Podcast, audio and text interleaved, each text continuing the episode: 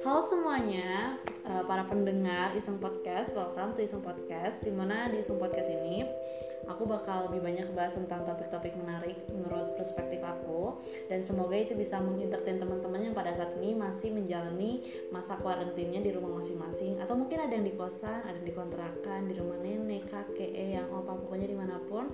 Semoga podcast ini bisa mengentertain teman-teman di sela-sela kejenuhan di masa kuarantin ini dan sebenarnya untuk sekarang ini topiknya nggak terlalu berat sih. Aku cuma pengen ngebahas aja tentang hobi aku yaitu thrifting atau berburu barang bekas ya.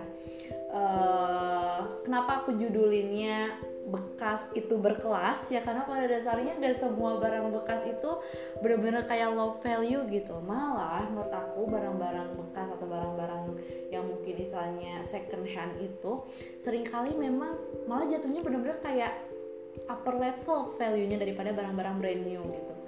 Udah jelas ya maksudnya dalam artian kan pasti historinya ada karena udah jelas itu itu barang tuh bekas pemakaian dari uh, orang sebelumnya yang udah jelas pasti kayak ada uh, impressionnya sendiri pasti ada sejarahnya sendiri gitu tentang si barang itu. Dan menurut aku sih itu jatuhnya kayak bener-bener uh, ngasih ngasih suatu ketertarikan tersendiri sih. Setiap kali ngeliat atau nemuin barang-barang bekas.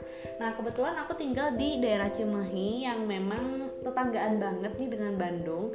Jadi kalau misalnya aku mau thrifting itu biasanya aku um, seringnya tuh antara dua tempat. Kalau misalnya thrifting pakaian atau thrifting kayak OOTD-an OOTD-an ya kayak gitulah ya sandang-sandangan gitu ya. Aku biasanya ke Gede Bage pasar Cimol Gede Bage. Pasti tahu dong teman-teman Bandung kayak itu tuh udah familiar banget gak sih gitu. Kayak di sana tuh banyak banget barang-barang pakaian mulai dari kayak ujung rambut sampai ujung kaki itu ada semuanya dari topi, baju, celana, mau dress-dressan, terus mau sepatu-sepatuan itu ada semuanya lengkap di sana. Tapi ya balik kayak gitu kayak itu memang pada dasarnya kondisinya second hand bekas gitu. Tapi dari apa yang aku sama ini perhatiin sih banyak banget kok di sana yang benar-benar kayak uh, high quality gitu. Meskipun second meskipun bekas tapi kalau misalnya kita selektif milihnya itu kita bakal banyak banget nemuin treasure yang di mana kayak sebagus itu kayak masih semulus itu kondisinya gitu. Dan biasanya tuh mereka tuh kan karena second tuh jadi otomatis di uh, selnya tuh harganya bener-bener miring kan. Jadi itu banget privilege-nya kalau kita bisa beli barang second hand yang kualitasnya masih bagus. Karena meskipun mungkin kayak itu tuh uh, jatuhnya barangnya masih mulus banget. Karena mungkin dari pabriknya sendiri kenapa di reject? Mungkin karena cuma lecet-lecet dikit. Mungkin cuma karena ada uh, kayak defect dalam artian mungkin si benangnya uh, gak rapi atau mungkin ada bagian kayak uh, kain yang nggak kejahit gitu ya. Hanya karena itu aja mungkin makanya langsung jadi di ini kan langsung disisihkan di di bagian yang uh, pada akhirnya nggak ke nggak kejual gitu nggak jatuhnya nggak nggak jadi komersial di si uh, retail retail yang besar tapi jatuhnya masuknya jadi ke barang-barang karungan yang yang pada akhirnya adalah di Gede Bagi adalah di Cikapundung gitu. Jadi nggak semua barang-barang second hand tuh bener-bener literally bekas yang bener-bener bekas pakai tuh nggak semuanya kok. Itu terkadang lebih kayak hasil reject dari dari warehouse yang mungkin ada bagian-bagian yang gak sesuai dengan uh, eh, SOP mereka dengan uh, dengan ketentuan produk mereka. Jadi pada akhirnya itu di reject dan dimasukin uh, ke dalam barang-barang yang pada akhirnya uh, masuknya tuh ke barang-barang kualifikasi bekas tapi padahal nggak bekas gitu. Cuma ya karena kondisinya aja yang nggak benar-benar perfect secara uh, secara ketentuan pabrik aja gitu. Jadi bener-bener kayak banyak banget sih nemuin barang-barang yang sebagus masih sebagus itu gitu. Kalau misalnya kita mau nyari ya. Dan memang kalau misalnya untuk thrifting tuh bener-bener kayak diuji kesabarannya. Karena kalau misalnya kalian kayak uh, misalnya bener-bener kayak nyari pengen langsung dapet gitu aja kayaknya susah banget sih kalau misalnya untuk prinsip thrifting yang sebenarnya. Karena kalau apa yang aku rasain misalnya nih aku pengen nyari um, kayak semacam hoodie nih. Hoodie yang bener-bener kayak aku udah ciri ini kayak uh, kayak itu tuh hoodie klasik misalnya hoodie yang bener-bener kayak jarang banget limited banget. Otomatis misalnya um, apalagi kayak udah ada titel limited kayak bener-bener kayak wah itu terbatas banget nih barang sekalinya aku nemu kayaknya itu berharga banget. Otomatis kayak aku harus ada effort nyari dong. Karena itu pasti mereka tuh kalau misalnya di pasar-pasar barang bekas gitu itu jatuhnya karungan. Dan itu bener-bener kayak mereka tuh uh, banyak banget barangnya. Dan kita harus berani uh, istilahnya nanya dan ngubek gitu. Kita nggak bisa kayak berharap tiba-tiba kayak tung ada aja gitu kegantung. Ya kalau memang kebetulan beruntung sih ya ya bisa jadi ya. Nggak nggak menutup kemungkinan juga. Tapi memang jarang banget sih. Kalau misalnya kita nyari suatu barang terus tiba-tiba ada aja gitu terpampang di salah satu stand di pasar lowak atau lain sebagainya itu kayak jarang. Kalau misalnya di pasar second hand stuff gitu. Jadi kita memang harus benar-benar mau nyari mau ngubek. Kan mereka tuh mainnya bal-balan ya. Bal-bal tuh itu uh, karungan gitu. Jadi kalau misalnya kita mau nyari barang yang kita uh, pengenin itu benar-benar kayak harus mau nanya bang kira-kira ada gak nih barang ini? Gitu tunjukin fotonya atau enggak kira-kira hmm, kita mencari hoodie langsung ke tempat hoodie-nya langsung uh, coba cari tanyain ke si abangnya nggak usah malu sih. Dan kalau misalnya thrifting tuh jangan takut nawar itu sih kuncinya. Karena kalau yang aku perhatiin tuh banyak banget orang yang kayak misalnya thrifting nih terus gengsi gitu. Karena misalnya ah udah bekas ini udah bekas harganya udah segitu masa ditawar lagi. Nonsen itu gak ada istilah kayak gitu. Maksudnya gini loh uh, kita tuh bukan lagi ngomongin soal kayak itu bekas itu gak kayak itu bekas dan ya udah value segitu tuh kayak udah layak enggak gitu. Terkadang kayak uh, menurut aku prinsip kayak gitu masih masih belum bisa dibenarkan. Karena ya gak semua barang bekas tuh ya balik lagi yang ke awal tadi gak semua barang bekas tuh bener-bener bekas gitu. Seringkali itu tuh barang-barang yang kondisinya pada dasarnya masih uh, masih sangat bagus hanya karena mungkin reject atau buangan dari pabrik doang gitu bukan uh, bukan bekas pemakaian juga. Jadi ya kalau mau nawar nawar aja gitu. Tapi ya nawar juga sewajarnya jangan buat mereka sampai nggak makan juga gitu kan kasihan banget gitu. Ya kadang ada yang misalnya harga barang udah murah banget tuh 50 ribu kan misalnya hoodie bahannya tebel terus kayak nggak ada defect sama sekali. Eh ditawar 20 ribu kan nggak nggak hmm gitu kan. Kasihan banget tuh mang-mangnya. Udah kayak makan aja mungkin dapat untungnya iya kan ngambil untungnya dikit gitu kan ditawar pula. Hmm cocok gitu. Ya intinya pokoknya gitu. Jadi kalau misalnya kalian mau thrifting jangan takut untuk nawar. Nego aja selama harganya masih wajar yang kalian yang kalian ajuin ke si abangnya masih normal. Dapat yang kayak masih masuk akal ya. Seenggaknya si abangnya masih bisa makan gitu guys gitu. Ya nggak apa-apa gitu. Tawar aja. Dan dan terus aduh maaf ya ada serak-serak basah. Nah terus uh, kalau misalnya thrifting tuh kalian udah harus tahu dari awal kalian mau ke sana tuh tujuannya mau beli apa. Uh, kalau menurut aku bagusan gitu sih. Mungkin ada juga yang kayak dari kalian yang lebih kayak ah ya udah gue mau thrifting kayak thrifting apa aja senemunya aja gitu. Kalau bagus apa pun itu mau celana mau baju mau mau vinyl mungkin mau kaset mau apa. Ini gue ngomonginnya uh, kayak bener-bener uh, barang bekas general ya.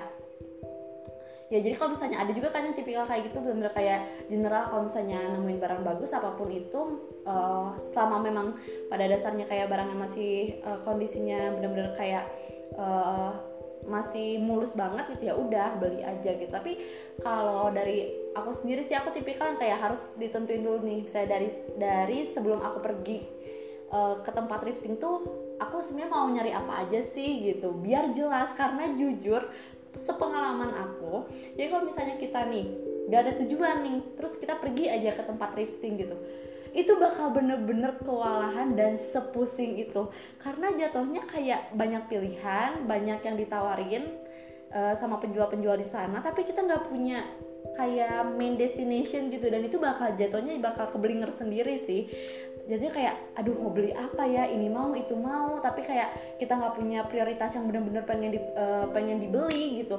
Jadinya otomatis kayak ya lapar mata iya tapi di sisi lain kita juga takut keluarin uang gitu kan. Karena jatuhnya takut mubazir gitu takut ada penyesalan di akhir. Nah jadi lebih baik ya dari sebelum kita pergi ke tempat thrifting itu kita tentuin dulu nih oh yang kita mau beli itu ini ini ini gitu. Jadi seenggaknya udah jelas gitu kita nggak bakal pusing ngubek satu-satu stand gitu. Kayak dari satu stand ke satu ke satu stand lagi ke satu stand lagi kan puyeng ya. Itu kayak hmm itu banyak banget sih. Apalagi kayak di pasar uh, Cimol Gede Bage itu luas banget. Bener-bener luas dan jatuhnya tuh kayak kalau misalnya kalian bener-bener niatin ngubek dari satu stand ke stand lain itu uh, jaminan mual sih sebenarnya pusing sih karena jatuhnya kan itu kain semua ya. Itu bener-bener kayak clothing semua. Jadi kalau misalnya kalian keliling dari satu toko ke toko lain itu jatuhnya kayak kalian benar-benar menghirup udara yang benar-benar sesek banget. Sepengalaman aku ya sesak banget. Karena itu semuanya kayak pakaian-pakaian kain-kain yang di mana kayak pasti banyak banget bulu-bulu yang berterbangan selama kita keliling-keliling situ. Dan itu bakal jadi sesak ke kitanya. Bener-bener sesak jadi aku sering ke sana tuh pakai masker sih ngatasinnya. Tapi itu kalau misalnya kita tetap gak punya tujuan uh, untuk kayak apa sih yang mau dituju tujuan utamanya tuh apa ke sana tuh otomatis itu bakal jatuhnya kayak sama aja useless aja sih pakai masker tuh karena udah sesek kalian tutup terus kalian gak tahu mau tujuannya beli apa. Udah deh.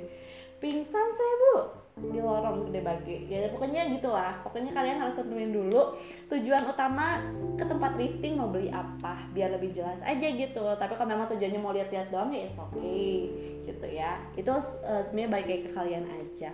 Terus kalau mau thrifting tuh sebenarnya um, kalau dari aku sendiri sih aku tipikal yang kayak uh, apa ya jatuhnya drifting tuh kalau ada dua ada dua kategori. Aku memang lagi butuh sama aku memang lagi pengen uh, misalnya pengen menikmati aja menikmati tapi nggak usah beli gitu.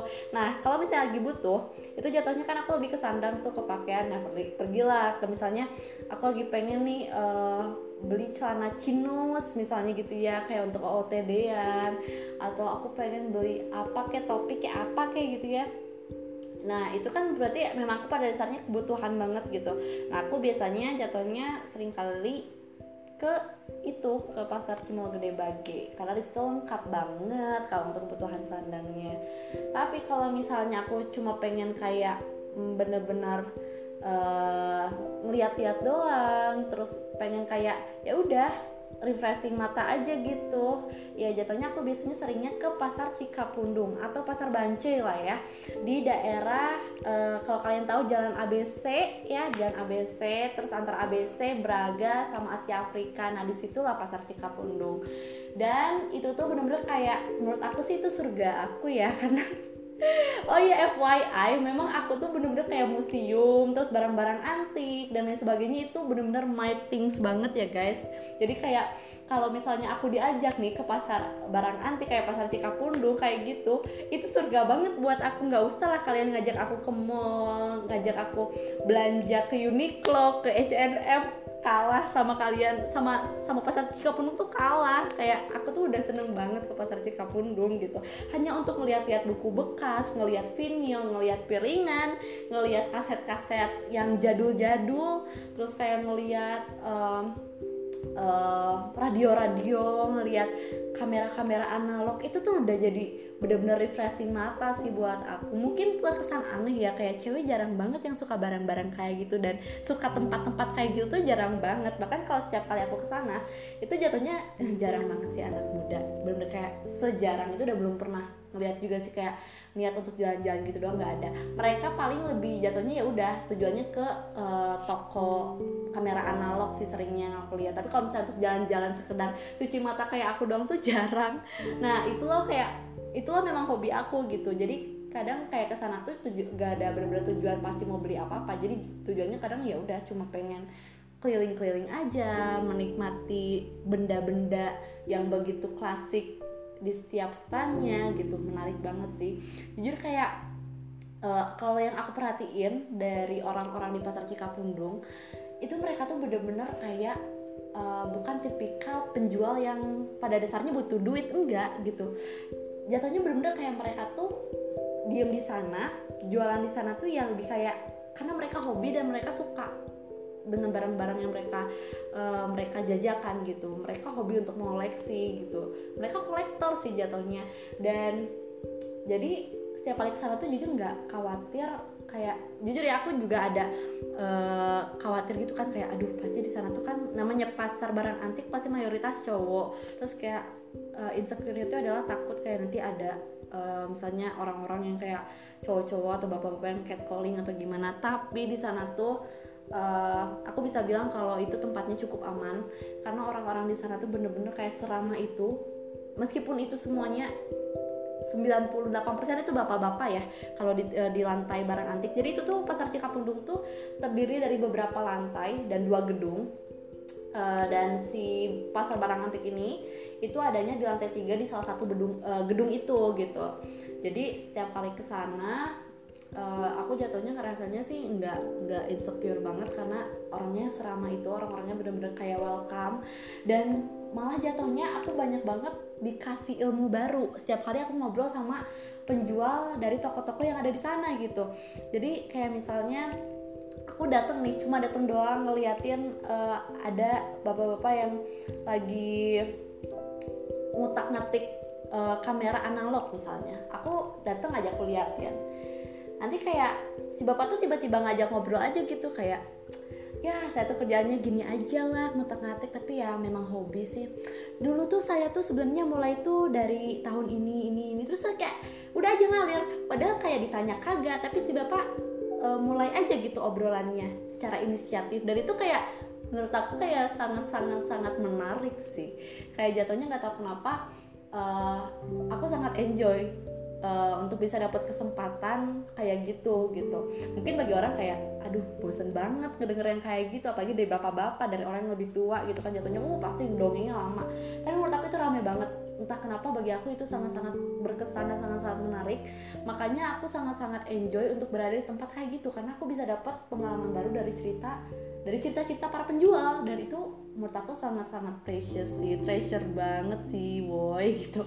Kayak ya itu mungkin kayak banyak dari teman-teman yang seusia aku jatuhnya mungkin gak tertarik akan hal itu nggak punya interest ke sana. Dan uh, menurut sih ya wajar aja sih karena memang pada dasarnya hal-hal kayak gitu tuh nggak semua orang suka juga. Itu tergantung selera juga sih tapi aku kebetulan memang aku suka banget yang kayak gitu. Jadi setiap kali malah kayak orang ngedongengin gitu ya di satu toko itu aku dengerin banget kayak malah jatuhnya kayak wih keren nih orang gitu. Uh, dia ngulik di satu bidang ini ternyata dari lama bla bla bla. Jadi nggak tahu aku dapat ilmu baru dapat dapat value baru dari setiap uh, cerita-cerita orang yang aku dengerin. Terlebih kayak orang-orang yang ada di pasar Cikapundung ya kebetulan mereka juga karena mereka isanya menekuni berbagai banyak uh, berbagai banyak hal terlebih dalam hal kayak barang-barang uh, klasik gitu mereka tekuni mereka uh, isanya benar-benar fokus dalam uh, perawatan maintenance barang-barang itu. Jadi menarik aja gitu untuk dengar cerita mereka tentang gimana mereka bisa uh, benar-benar terjun di dalam bidang uh, di dalam misalnya uh, apa ya di dalam hobi itu gitu. Jadi itu sangat-sangat menarik sih menurut aku. Dan kalau ke sana itu aku juga sering kali kayak uh, tujuannya uh, selain keliling-keliling ya kadang juga buat uh, hunting foto aja sih hunting foto dan sering kali kayak aku sengaja duduk gitu di jadi Cikapundung itu bener-bener kayak jatuhnya itu bener-bener eh, pasar barang uh, pasar barang bekas untuk yang lantai tiganya ya itu literally bener-bener bar, uh, pasar barang bekas. Jadi kalau misalnya dari uh, di lantai tiga itu memang uh, jatuhnya nggak serame lantai-lantai yang lainnya. Kalau lantai yang lainnya itu ada lantai lantai dua tuh lantai elektronik kalau nggak salah. Lantai pertama tuh untuk uh, kayak semacam uh, partisi-partisi ini elektronik. Terus uh, ada juga otomotif kayak gitu gitulah nah tapi karena aku memang interestnya cuma di barang-barang uh, barang -barang antik doang ya jadi akhirnya aku kayak selalu langsung ke lantai tiga gitu. Tapi kadang juga kalau misalnya nggak ada tujuan atau nggak apa ya misalnya karena misalnya aku capek udah jalan-jalan nih uh, ngelilingin semua stand di lantai tiga itu aku kadang ya udah iseng-iseng doang gitu duduk aja gitu di uh, bagian koridor uh, si lantai tiga itu.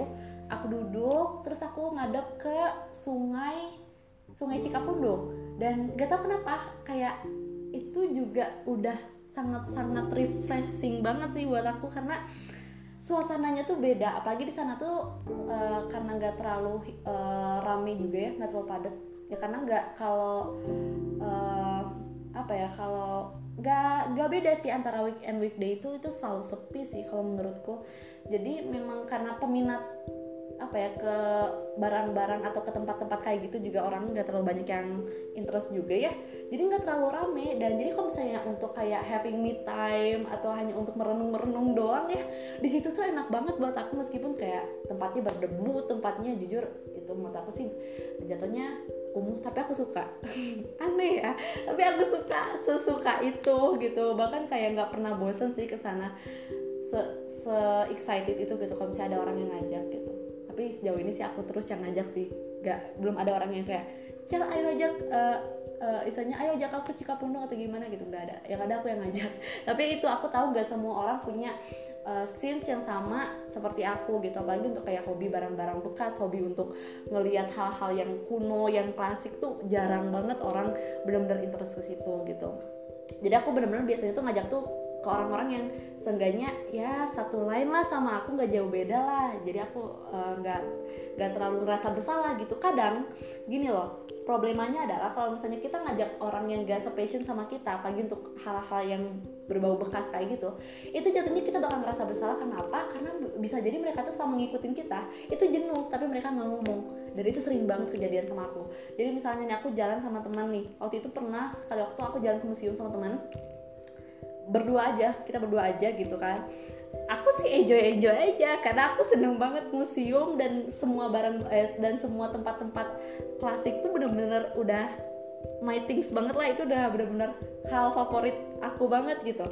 Dan aku enjoy banget gitu mau aku terus-terusan kayak berulang kali ke tempat yang sama pun aku nggak masalah gitu. Tapi kayaknya temenku ini memang nggak nggak bener-bener kayak tertarik dengan hal-hal seperti itu terlebih museum gitu ya. Mungkin kayak bagi dia itu membosankan atau lain sebagainya. It's okay dan normal gitu dan karena perspektif orang kebanyakan pasti kayak gitu juga gitu. Kita jalan aku enjoy sendiri aku baca-baca dari ujung ke ujung gitu. Dia tuh udah nguap-nguap aja belakang aku tuh kayak udah ngantuk gitu. Terus kayak aduh nih aku udah guilty banget aku udah bingung. Kayak oke okay, ini orang antar gimana ya? Uh, kalau aku tanya kamu itu kamu enjoy gak di sini. Pasti dia jawabnya kayak ya aku enjoy kok. Aku seneng banget. Ya karena ya mungkin dia nggak enak gitu kan. Bisa jadi dia nggak nggak enak sama aku atau gimana gitu. Tapi di sisi lain kalau aku terusin di dalam museum kan pasti otomatis kayak pasti jadi beban juga untuk dia kayak aduh nih kok udah nggak kuat nih di dalam sini. Mungkin dia bisa jadi berpikiran kayak gitu. Jadi akhirnya kayak aku tanpa nanya ke dia aku langsung kayak eh udah aja yuk kayaknya aku juga bosen deh gitu. Jadi kayak ya aku berusaha untuk menempatkan posisi aku di dia aja gitu. Seenggaknya biar biar dia nyaman aku juga ngerasa bersalah. Jadi akhirnya aku ajak dia keluar dan aku cari tempat yang istilahnya lebih cozy untuk uh, jadi tempat ngobrol aja gitu. Ya jatuhnya itu uh, balik lagi kita nggak bisa maksain orang untuk bisa uh, menikmati apa yang menjadi hobi kita gitu. Karena udah udah udah pasti setiap orang tuh punya sense yang beda uh, punya selera yang beda untuk hobinya masing-masing gitu. Nah kebetulan memang hobi aku ini aku aku memang akui hobi ini tuh jarang dimiliki oleh anak-anak muda zaman sekarang. Makanya aku jarang banget kayak untuk ngajak orang-orang untuk uh, ikut sama aku kayak eh yuk ke museum yuk eh yuk ke pasar barang antik yuk hmm, kayaknya daripada aku ngebuat mereka terbeban pada saat nanti udah jalan ngebuat mereka bosen ngantuk dan sebagainya aku mending kayak udah deh mending ngajak papa aja jatuhnya. Jadi sering banget aku jatuhnya ngajak papa sih kalau ke tempat-tempat kayak gitu karena papa pun punya hobi yang sama.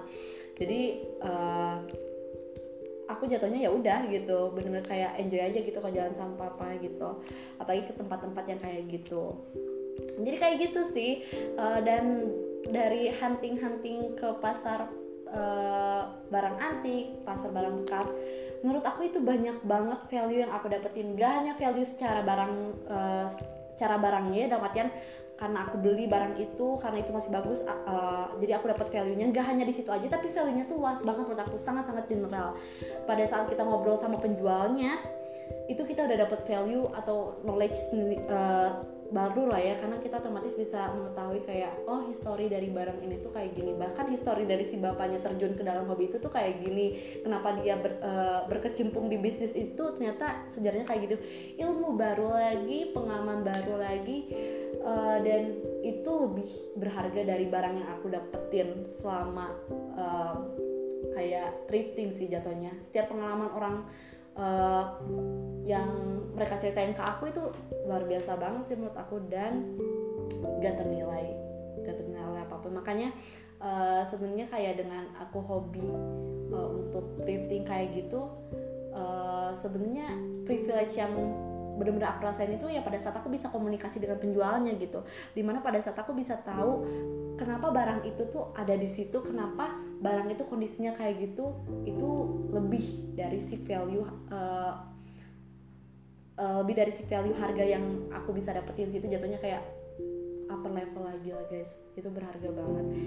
Jadi ya itulah kenapa aku sebut barang bekas itu berkelas. Karena pada dasarnya pada saat kita mengartikan suatu hal tidak hanya dari sisi fisikalnya saja pada saat kita tidak memandang suatu hal dari uh, dari appearance-nya saja, dari kondisi luarnya aja, sebenarnya kita bisa mengeksplor hal-hal yang jauh lebih berarti dari semua itu. Pada saat kita mau benar-benar kayak uh, um, menenggelamkan diri kita dalam hal-hal yang pada dasarnya sangat mendasar dari barang yang kita lihat gitu gitu jadi nggak semua barang bekas tuh pada dasarnya kayak memalukan untuk dipergunakan nggak sama sekali bahkan kayak kalau kalian uh, bener-bener kayak tahu ya uh, value dari thrifting sendiri sebenarnya itu tuh menurut aku jatuhnya lebih lebih mahal daripada barang brand new. Kenapa? Karena otomatis namanya barang-barang uh, second hand itu banyak banget historinya. Dan kalau misalnya itu dirupiahkan atau dinominalkan secara uh, secara uang gitu ya, diuangkan, otomatis sebenarnya itu tuh ya uh, value-nya jatuhnya lebih jauh-jauh lebih tinggi menurut aku ya.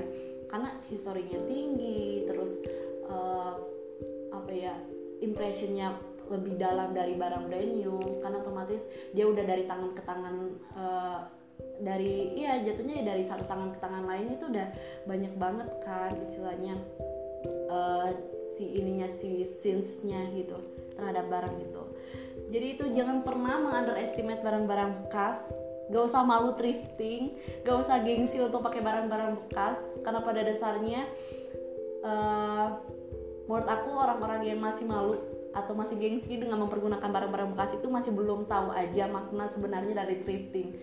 Orang jual barang bekas, orang jual barang yang dia punya ke orang lain, second hand, itu karena pada dasarnya dia punya sesuatu yang jatuhnya jauh lebih uh, lebih dalam dari sekedar harga yang dicantumkan gitu. Dan pada saat kalian beli barang itu jatuhnya kalian sangat-sangat beruntung karena kalian bisa mendapatkan value yang sangat dalam dari barang yang si uh, owner itu jual gitu. Kalian nggak pernah tahu kan kayak seberapa dalam si owner itu sangat menyayangi barang itu seberapa dalam si owner itu sangat merawat barang itu. Nah itulah yang sebenarnya yang benar-benar uh, sangat-sangat berharga sangat-sangat bernilai dari uh, dari keberadaan si barang bekas yang kita beli gitu. Jadi jangan pernah malu jangan pernah gengsi karena barang bekas tuh bener-bener berkelas seberkelas itu. Dan pokoknya untuk kalian yang di luar sana yang punya hobi sama mungkin bisa uh, eh, DM ya siapa tahu nanti kita bisa jalan-jalan ke Cikapundung bareng-bareng. Karena jarang banget nih nemuin orang yang satu passion sejarang itu. Uh, jadi ya semoga untuk ke depannya sih setelah situasi ini membaik ya setelah corona ini uh, bener-bener clean. Aduh maaf ke on. Setelah corona ini bener-bener clean uh, aku bisa explore lagi tempat-tempat antik tempat-tempat klasik yang pada dasarnya udah jadi hobi aku banget untuk bisa datang ke tempat-tempat itu gitu uh, Oke, jadi segitu dulu aja deh untuk podcast kali ini. Maaf banget kalau mungkin bahasannya masih sereceh ini ya guys, karena ya aku berusaha untuk um, bahas topik-topik yang sekiranya relate dengan apa yang aku suka apa yang aku alamin aja gitu. Biar jatuhnya yang gak ngadi-ngadi ya guys gitu. Kayak gitu aja. Um, mungkin sekian yang bisa aku sampaikan. Aduh udah kayak speech aja ya closingnya. Ya pokoknya gitu aja guys. Semoga nanti podcast berikutnya aku bisa blow up topik-topik yang menarik yang bisa mengentertain kalian untuk um, hari-hari karantin yang masih berlangsung sampai sekarang ini. Oke, thank you banget teman-teman yang udah ngedengerin dan jangan lupa terus kasih support untuk orang-orang yang berkarya seperti aku. uh, pokoknya um, saling support satu sama lain, tetap sehat, tetap bahagia, semangat dan cheerio.